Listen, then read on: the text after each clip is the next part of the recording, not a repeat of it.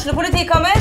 Ine Jansen er purk. Er du purk? The motherfucking bitch. Alt jeg vil, er å finne ut hva som skjedde med mannen min. Jon Carew. Er jeg sikta for noe? Iben Akeli. Det er du. Ole So, Lars Berrum og Big Daddy Karsten. Hvem sin side er du på, egentlig? Anette Hoff, Tone Danielsen, Kommer du fra Afrika? Jørnis Josef, Nesten. Kløfta. Trond Espen Seim, Det er synd å si det, men det var feil mann som døde. Purk. Premiere tirsdag på TV2 Play. Velkommen til ukas episode av TV-podden med meg, Amalie Andersen. I dag har jeg med meg standup-komiker Christer Torjussen i studio. Christer Torjussen, velkommen til Tønsbergs Blad og TV-podden. Tusen takk. Her var det varmt. Ja, det er varmt i hele byen, er det ikke det? Veldig varmt ute, og dette lille studioet her også veldig varmt. Ja, skulle kanskje hatt sånn vifte, når jeg tenker over det. Det går jo ikke hvis vi skal spille inn denne podkasten. Det ville blitt veldig mye bråk. Sant, sant. Men sommeren ellers, hvordan går det så langt? Så langt varmt. Eh, og så eh, hvordan det går? Jo, jeg eh, holder på, da. Med mine ting. Ja, jeg, jeg liker å spørre folk fra null til ti. Hvor på skalaen ligger du? Eh, kvalitetsmessig i livet, eller ting å gjøre? Nei, i livet generelt. Eh, jeg, er på en sterk sju pluss, vil jeg si. Oi! Ja. Jøss. Og du er eh, busy med Slottsfjell og det ene og det andre? Ja, jeg eh, skal jobbe på Slottsfjellfestivalen. Gleder meg veldig. Det er et kaos, det, selvfølgelig. Som en fast, eh, festival, faktisk. Festival er. Um, fordi i fjor så uh, ba de meg finne artister til campingscenen, som er den alternative scenen i mathallen, da. Inne på festivalområdet. Og så fant jeg en gjeng med kolleger som passa til det, og så spurte de vil du være stage manager, og så måtte jeg google det. Og så sa jeg ja. Eh, Så jeg var det i fjor, og så skal jeg være det i år òg. Og nå også for to scener, faktisk. Så gleder meg veldig. Og det er jo eh, Det blir mye folk og mye band og mye som skal skje, så det er veldig mye sånn trå løse tråder nå, men det vi lander. Ja, Er det mye armer og bein overalt? Veldig mye. Veldig mye mailer og meldinger og Ja, det, det kokte greit i fjor, så det kommer til å gjøre i år òg. Og det Ja, så er det jo litt sånn sommerlatter eh, i Oslo, og så Ja, så skal jeg jo ha show da i Foynhagen. Det gleder jeg meg veldig til. Ja, Midtlivskrister. Ja. Ja, det er jo, jeg må jo spørre, fordi i Drittpappa, som er showet ditt fra 2017, Mm. så starta du med å si 'jeg er i midtlivskrise'. Seks år siden, fortsatt midtlivskrise. Vet du hva, det har du helt rett i. Det er, tatt litt på senga. Eh, ja, men den tror jeg har måttet vært når jeg er 53, da. Jeg tror den har vært sånn konstant siden det. Eller egentlig, vet du hva? Jeg, en ting jeg snakker om i det nye showet, er jo at midtlivskrise egentlig er et konstruert begrep. Det er noe vi har laga oss her i, i eh, på en måte rike Vesten fordi vi vi har et valg, da. Eh, Du kan liksom Livet ditt kan sulle og gå, og så kan du på en måte gå lei, enten du er lei av den du har vært gift med i 20 år, eller lei av jobben din, eller eh, Og så kan du ta et valg. Du kan hoppe av, og så kan du begynne å gjøre noe nytt. Det valget har ikke folk i tredje verden, for å si det sånn. Så det er veldig sånn ilandsproblematikk. Men det er noe i at jeg tror vi er ganske bortskjemte eh, her, da. Eh, og det, det spiller jeg også mye på. At vi, vi kan jo velge også Hvis man har vært gift i 17 år, så kan du egentlig bare si «Uff», Og så kan du gå på Tinder, og så kan du finne deg en neglestøper fra Drammen. Eller noe sånt. Er det sånn midtlivskrisen din ble? Nei, heldigvis okay. ikke. Det, nei, nei, nei. Eh, nei, vet du hva, jeg tror midtlivskrisen min personlig er vel å innse at eh, tiden foran meg er kortere enn den veien bak. Og da får man litt sånn behov for sånn bucketliste-ting. Ting man må gjøre. Og så har jeg innsett at det handler ikke om å, å reise verden rundt, det handler ikke om å kjøpe masse ting. Det handler om å prioritere riktig, da. Eh, I form av eh, Trening, eksempel, eh, det har jeg holdt på med en stund. Er ikke gøy, men det må jeg jo. Eh, være sammen med barna eh, mest mulig, fordi barn de har en tendens til å vokse, og så flytte ut. Så de, den panikken slår meg mer enn noe annet nå. At ungene mine begynner å bli så store at jeg merker at jeg må slippe dem. Jeg kan, jeg kan ikke eie dem mer, og det er litt dritt. Ja, Det høres jo litt ut som midtlivskrisa di er litt mer sånn smarte valg. Når man tenker på midtlivskrise, så er det ofte sånn jeg vet ikke, hoppe i fallskjerm, liksom. Eller kjøpe seg motorsykkel. Veldig. Og det er med sånn klisjé. Og det, det snakker jeg også litt om i showet, at Eh, eksempel, veldig mange kjøper seg jo båt. Eh, jeg, for min del, jeg, jeg skal ikke ha båt. For jeg skal ikke ha én ting til eh, jeg må ha ansvar for eller holde på med. Eh, ting er ikke så viktig. Men når man bor her, i den byen her, og så sier folk sånn ja, bor du i Tønsberg, har du båt? Altså, nei, jeg har ikke båt. Og så får du den Har du ikke båt når du bor i Tønsberg? Akkurat som det er sånn obligatorisk. Og så må jeg si nei, jeg har ikke det, fordi båt har ikke brems. Jeg veit ikke. jeg er ikke noe maritim. Ok, Har du kjøpt deg, har du gått innkjøp av noe da, som er litt sånn jeg vet ikke, snålt, kanskje? Ja, altså jeg, jeg, jeg, jeg har tatt en, en tjukk vinkekatt på armen. Oi! Ja, det er det siste eh, tilskuddet på midtlivskrisa mi, tror jeg. Kan du forklare? Jo, jeg kan forklare. Eh, jeg syns jo tjukk vinkekatt eh, er, veldig, det er veldig gøy. Du vet, hun sitter og ja. Du ser den gjerne på kinarestauranter òg. eh, Grunnen er at eh, jeg har jo en, eh, en podkast sammen med en kollega som heter Halvor Johansson. Og så begynte vi etter hvert å snakke om at eh, For han har en katt som heter Sushi. Som er alene hjemme fordi eh, Halvor har blitt kattekvinne og enslig, som kaller seg. Eh, og hver episode så vi, pleide vi å si 'hyggelig at du hører på sushi', mjau, mjau. Og så blei mjau, mjau et sånt, sånt, sånt slagord, nærmest. Så nå øh, øh, Alle lytterne våre de kaller seg for mjautister. Oi. Ja, og så, og så er det veldig vanlig og Folk roper jo mjau, mjau på gata og sånn. Helt absurd. Så må du svare det òg. Mjau, mjau. Så den katten her, da, den har en MM i det skiltet som du kanskje ser. Så får du få mjau, mjau. Så det Sånn, sånn funker midtlivskrisa for meg. da. Ja, Ser du noe ende til den, eller tenker du sånn Midtlivskrisa er egentlig bare nye meg?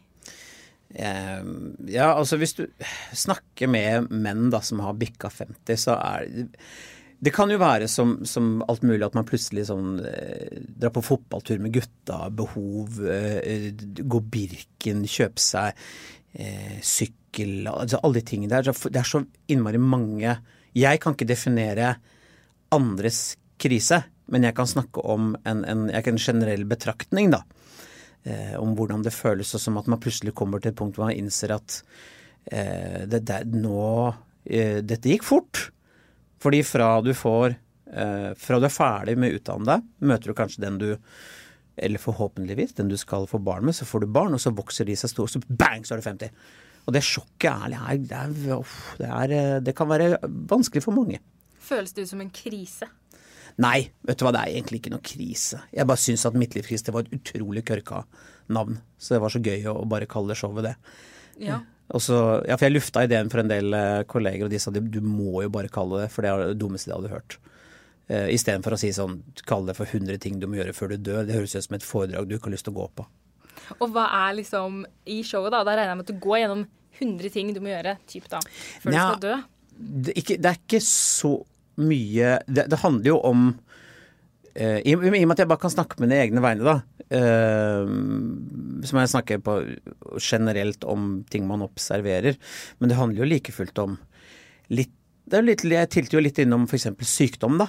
Eh, kreft som eh, plutselig veldig mange får plutselig. Eh, fordi man kommer i en viss alder, og er, noen er mer disponert for ja, så, vet du hva, diabetes, kreft alle ting så, altså, Du tror du kan gå gjennom livet uh, uten at noe skjer.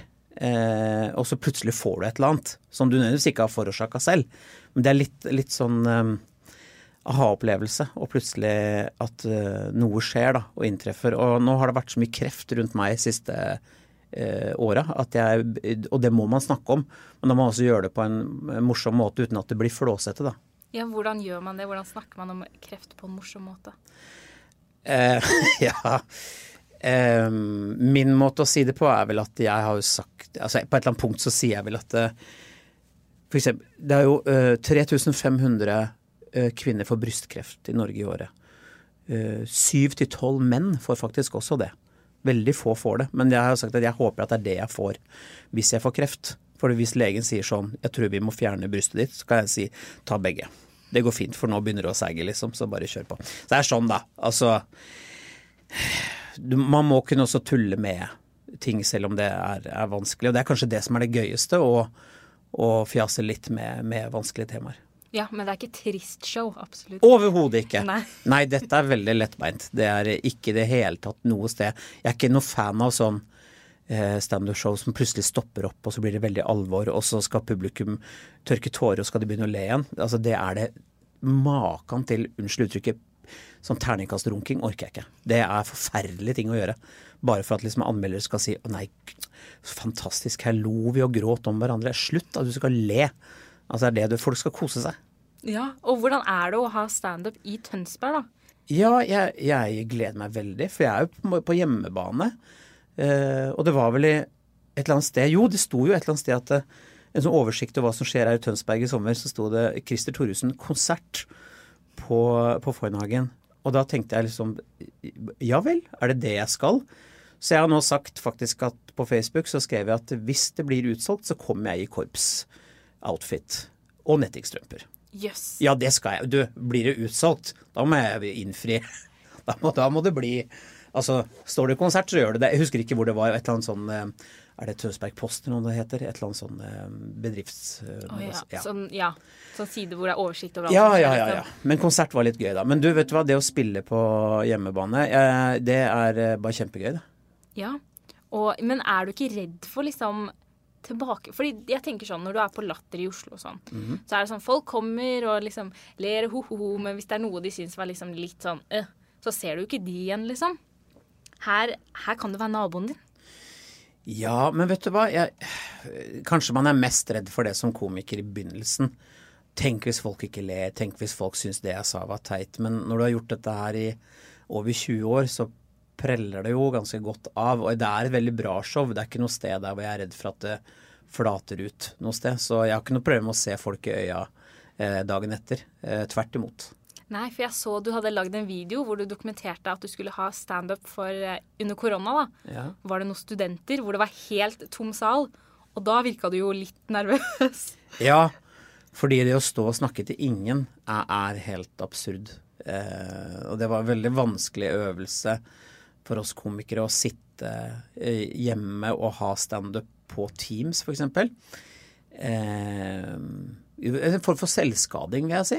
Eh, men det gjorde at vi fikk gjort litt, da. Eh, og så lagde jeg disse Tid for bok-tingene som eh, gikk ganske bra på nettet.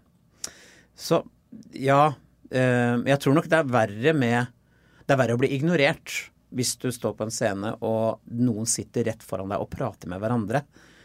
Det er mye verre enn stillhet. For hvis publikum nå blir stille, la oss si jeg tester ut en ny joke, da tenker jo hodet mitt eh, hvordan skal jeg klare å grave meg ut av det kaninhølet her. Og det klarer man på en eller annen måte når du har gjort dette nok ganger, da. Men i begynnelsen, da, uh, da, da er det vanskelig, selvfølgelig. For da får man panikk og tenker shit, shit, shit, shit. De ler ikke, de ler ikke, de liker meg ikke. Men nå tenker jeg at det her skal jeg klare å komme meg rundt på en eller annen måte. Ja, er det sånn Før et show har du noen sånn spesiell rutine du går gjennom, eller er du liksom, nå er du så rutinert at du bare går på scenen?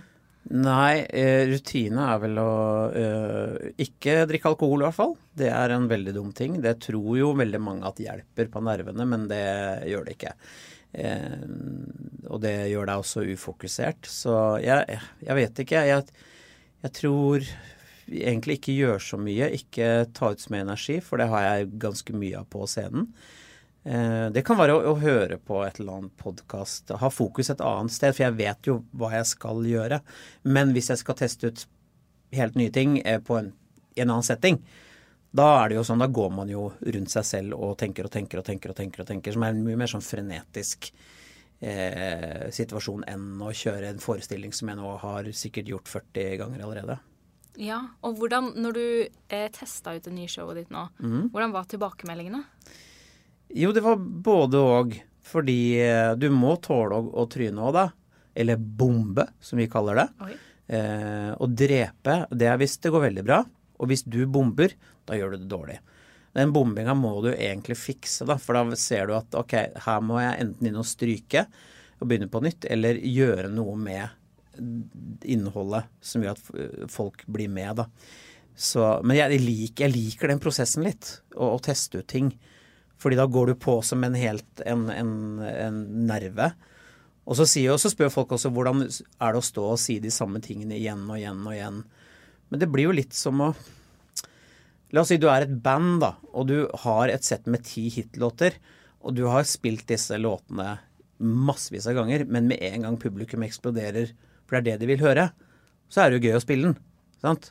Nå skal ikke jeg sette meg i jeg, er ikke noe, mm, jeg kan assosiere meg med store popstjerner, men det er noe av det samme mekanismene. Ok, Men kan du hva, hva er liksom disse bombene? Kaller man det en bombe? Og bombe. Og bombe, ja. Ja.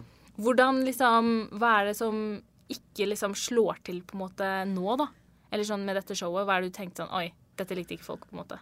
Eh, kanskje hvis du forteller noe som ikke er helt deg, eh, at man blir for cocky, eller eh, vitsen kanskje blir for drøy bare for å være drøy, eh, og du prøver å være litt sånn edgy og, og, og farlig, og så bare faller det fordi at folk ikke syns ikke det var noe gøy, da. Eller kanskje måten jeg sier det på, kanskje hvis jeg eh, gjør det sier det på en annen måte. Annet tonefall. Hvis man Det var, nå, var på Latter nå eh, faktisk forrige uke, så gikk jeg på eh, og, og var litt sånn eh, breial. Og det er ikke helt meg. Og det var der jeg begynte. Og det gjorde også at da ble resten av det kvarteret jeg skulle stå, ble litt flat, ikke flata ut, men det ble ikke det samme effekten som jeg vant. Fordi, fordi de har jo aldri sett meg før, kanskje. Eh, fordi på Latter så kommer det veldig mye turister og ser standup om sommeren. Ja, og så de, Jeg har ikke noe sånn breial attitude, egentlig. Men det var det jeg ble Jeg så ikke det selv før en kollega sa kanskje det var litt som litt for hard start. Og det var helt riktig. Og så bare flytta jeg den åpninga ned, ned i midten av settet, og da funka det. Så liksom, jeg begynte hyggelig. Så blir de med meg da, ikke sant, på den. Da var det sånn ja ja, men han er grei, han, han liker vi, så da kan han egentlig nesten si hva han vil. Å ja, så det er veldig mye liksom læring på en måte på hvert sånn sett, da. Mm. Ok, men hva er det som slår Hva er det som du føler at aldri går feil? Selvironi. Eh, og ta ting på egen kappe og tulle veldig mye med seg selv. For så lenge du har ironi på en del ting som kan være liksom vanskelige temaer, så blir du en ambassadør for det andre ikke har lyst til å snakke om.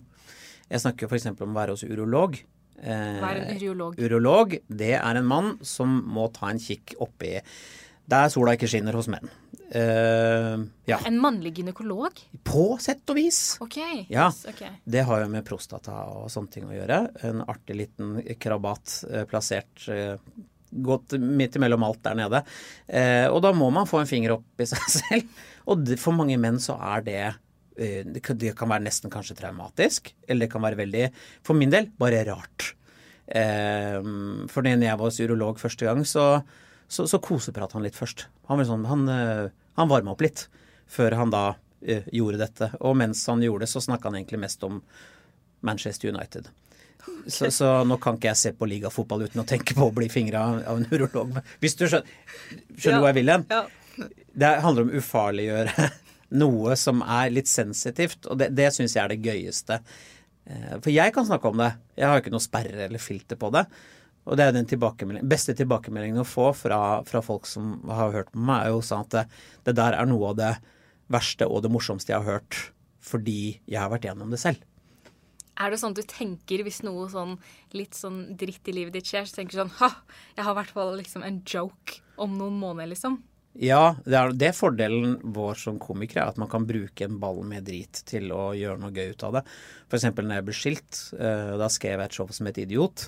Og det handla egentlig mest om min sånn postreaksjon på bruddet, hvor indignert eh, og teit og sjalu man kan bli. Eh, hvor mye fattig tanke man får, da, og irrasjonell man blir.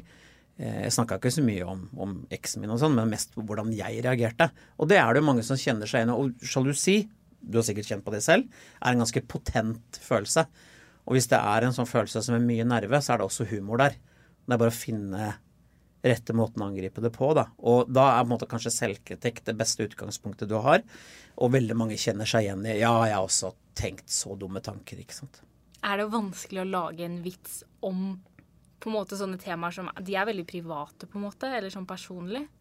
Ja, det er ikke Ja, vanskelig, vanskelig. Hvis man går noen år tilbake, så eh, tok jeg også for meg møte med psykiatri og selvmord. Og faren min sin eh, død, og det er ikke morsomme temaer. Men det var veldig interessant å jobbe med tematikken for å få det gøy, da. Eller få det til å bryte det opp, sånn at folk faktisk kan le av det sammen med meg. Og du vet at da blir det nesten en, en eh, sånn Det er jo en katalysator, for jeg kan bearbeide vonde ting med at jeg eh, Folk ler av det sammen med meg. Så det er jo egentlig, du blir jo egentlig din verdens beste psykolog uh, selv, på et eller annet vis. Eller psykologitimer du egentlig bare står for selv. da. At nå får jeg anerkjennelse for ting som jeg syns er vanskelig. Ja, og sånn som i da Midtlivskrister. Mm. Hva er det du, Hvor mange år er dette, eller er det liksom hendelser som du bare har plukka opp gjennom på en måte livet, eller hvordan har du jobba med det spesifikt, da? Nei, du, jeg skrev dette nå ja, Drittpappa var det første. Så kom Idiot etter det, og så kom Midtlivskrister. Eh, så det er jo skrevet øh, siden Idiot, da. Eh, når etter at jeg Nå bor jeg jo rett over gangbrua med barna mine når de er hos meg. Eh, og det er på en måte livet mitt per i dag, å være omreisende klovn. Og være hjemme sammen med barna, stort sett. Og så ja, og reise til England og gjøre gøye ting. Um, så det, det er sånn Det er egentlig liksom mest sånn siden sist. Men som komiker så observerer du Fordelen er at livet eh, jobber med deg som komiker og ikke mot deg, på sett og vis. Jo mer du erfarer, mer du opplever, jo mer eh, materiale får du. F.eks. at mamma, min mor, eh, ble veldig syk og har vært gjennom to kreftdiagnoser og kols og ramla ned trappa, fått covid, men hun lever ennå. Det er også ting som er relevant, da. For hvor at nå ser jeg at nå, nå begynner mamma å bli veldig gammel. Det betyr at jeg blir ikke noe yngre. Og det er jo klart at det er en del folk som kan kjenne seg igjen i. Kjenner, du kjenner jo mange som kanskje har syke foreldre, som har mista foreldrene sine. Eh, Og alt dette handler om nære relasjoner, enten det dreier seg om barn, familie, sykdom, død. Eh, ja. Nå høres det veldig deprimerende ut, men det er ikke det det er. Men det handler om ting man kan forholde seg til, da. Ja, Som du prøver å liksom ufarliggjøre og liksom Ja, Om ikke ufarliggjøre, i hvert fall gjøre det Ja, jo litt. Avvæpne det litt, da. Um, og så snakker jeg også om at jeg har jo fått en diagnose. Jeg har Tourettes. Um, uh, og det, det, det er veldig rart, for at jeg har brukt veldig mye av livet mitt som komiker på å stagge tics, da. Um, og det rare er at nå når jeg snakker om det, så har jeg det nesten ikke. Oh, ja. Sånn fungerer Tourettes nemlig. Yes. Så jeg har brukt masse tid sånn, og det, det, er gjerne blunking, da, eh, som er stressrelatert, var det veldig mye av før jeg skulle på scenen før, og mens jeg sto der. Men jeg, så straks jeg adresserer det, så er det jo ikke der. Å ja, jøss. Det er jo kjempekjekt, egentlig, da. Det er veldig rart. Ja, det kan jeg også se for meg. Ja. Fikk du den diagnosen på en måte sent? Mhm. oh ja, OK. Så var det fordi du liksom ikke ville på en måte oppsøke og finne ut av det, eller var det fordi Nei. du tenkte ikke på det? Jeg visste at det var et eller annet, så sjekka jeg meg for ADHD. Eh, og det var det ikke. Og så, når jeg fikk eh, Jeppe, sønnen min, så fikk jeg mestringsangst. Eh, da under eh, dette Derfor kom også drittpappa etter hvert òg. Fordi eh, jeg var så redd for å bli min egen far, for han var ikke noe bra fyr. Eh, og da tenkte jeg liksom dette her er helt sikkert genetisk. Eh, og det er det jo ikke. Så jeg ble kjemperedd, eh, og da gikk jeg til fastlegen og fikk eh, hjelp med en gang. Fordi at de, du blir prioritert, for du hjelper ikke bare én, du hjelper to. Både far og barn. sant? Og så etter ti runder så sa de du kommer aldri til å gjøre ditt barn noe som helst fordi du er så redd for å gjøre feil. Og her har du diagnosen din. Tourettes, vær så god. Oi! Jøss. Bare fikk med den på kjøpet? Ja, omtrent. Ja, men da hadde jeg vært inne i systemet. Men det er et ganske interessant møte med både sånn regressiv behandling eh, og sånne ting. Det er veldig rart å gå veldig i seg selv og nøste opp, da. Ting som, som farger deg gjennom livet. Sånn, alt som du har vært igjennom, påvirker deg jo til den du er i dag, ikke sant. Så per i dag så er jeg sånn på et veldig sånn bra sted, da. Eh, Jeg syns ikke det er noe stress å være 53, selv om folk tenker shit, shit, shit, nå nå er det dårlig tid. Jeg tenker at eh, vet du hva, det, jeg har pizza, jeg har barn, og jeg bor på et bra sted, og jeg har jobb, liksom. Ja. Men barn, da? Det er fordi at du har jo to barn. Mm. Men er ikke de i tenåra nå? Hvordan uh, Jo, de er eh, på full fart på vei inn, og det, det er ikke kjedelig. Nei, hvordan er den hverdagen? Jo, det er interessant fordi at når du er alene med barn, når du ikke har en du kan hvile på og si sånn Kan du bare ta kan, jeg, jeg, orker ikke. Jeg må stå oppi det. Eh, så hadde en liten meltdown her om dagen, eh, jeg og sønnen min. Og det, var, det blei jo, ble jo, ganske mye ståk. Men, men, vi blir veldig fort venner igjen, da. Men det er klart man er liksom den alderen. Jeg husker jo selv, jeg var jo Jeg, jeg trodde i hvert fall jeg visste alt i hele verden. Og så tror man jo veldig ofte at i den alderen så er man jo selvsentrert av naturlige årsaker. Det er jo puberteten din, sant. Så ja, er ikke kjedelig. Og det er også det er grobunn for mye materiale. Ja. Mm. Og, men hvis du skal gi tips da, til folk som er i samme situasjon som deg nå, med sånn barn i tenårene, litt sånn midtlivskrise og sånn, mm. hva, hva, er ditt tips? Eh, tips Jeg tror det beste du kan gjøre, er å ha Jo, jeg er veldig opptatt av av, um, av, at morgener og, morgen og kveld skal være, det skal være easy start på dagen og en god dag, avslutning på kvelden. Og kvelden er den tiden på døgnet du er barna dine nærmest. Så vi har egentlig Ok, greia var når, når jeg ble skilt, så hadde jeg sånn eh, ting på at det skulle være veldig gøy å være hos meg. Så vi hadde jo disko på badet før legging. Da hauser du unger opp ja. fremfor å på en måte få de til å roe seg ned. Og så var det da inn i senga mi, enten med quiz eller impro, eller eh, at vi skrev noe sånn historie på, på Mac-en og sånn. Eh, så legginga tok jo halvannen time. Og etter hvert så begynner man å se at dette her, det kan man ikke gjøre hver dag. Men eh, Så jeg kutta disko på badet. Det, det skjer ikke lenger. Men de er like Fremdeles er de veldig opptatt av at de skal få tid med meg før legging. Eh, så jeg bruker en halvtime på hver av de. Men jeg syns det er viktig fordi det er så, så nærkontakt. Da kommer kanskje alle de tingene man eh, har gått og gnudd på som er enten Om det er noe som er gøy eller dårlig, så er det akkurat der da du kan snakke og være veldig nær. Så jeg tror den der nærkontakten som jeg personlig ikke hadde med min egen far, da, er ekstremt viktig for meg i hvert fall. Så det tror jeg er tips. Jeg tror man får ganske kule barn eller som føler at de har et nært forhold til foreldra sine. Da. Hvis man bruker Altså for dagen, Dagene går så fort. ikke sant? Det er liksom henting, kjøring, ordning, fiksing, styring, trening, øh, middag, bababa, rydding. Øh, sånn går dagene ikke sant? med barn. Også, men så hvis du En liten sånn brems. En sånn Nå er det bare deg og meg, eller oss tre, da. Eller oss sju hvis du har lagd veldig mange barn. Uh, høres ut som et slitsomt prosjekt, men den lille tiden der på kvelden tror jeg er kjempeviktig. Tusen takk for at du hørte på ukas episode av TV-podden. Jeg heter Amalie Andersen, og ansvarlig redaktør er Sigmund Kydland. Vi høres. Har du et enkeltpersonforetak eller en liten bedrift? Da er du sikkert lei av å høre meg snakke om hvor enkelt det er med kvitteringer og bilag i fiken, så vi eh, gir oss her, vi. Fordi vi liker enkelt. Fiken superenkelt regnskap.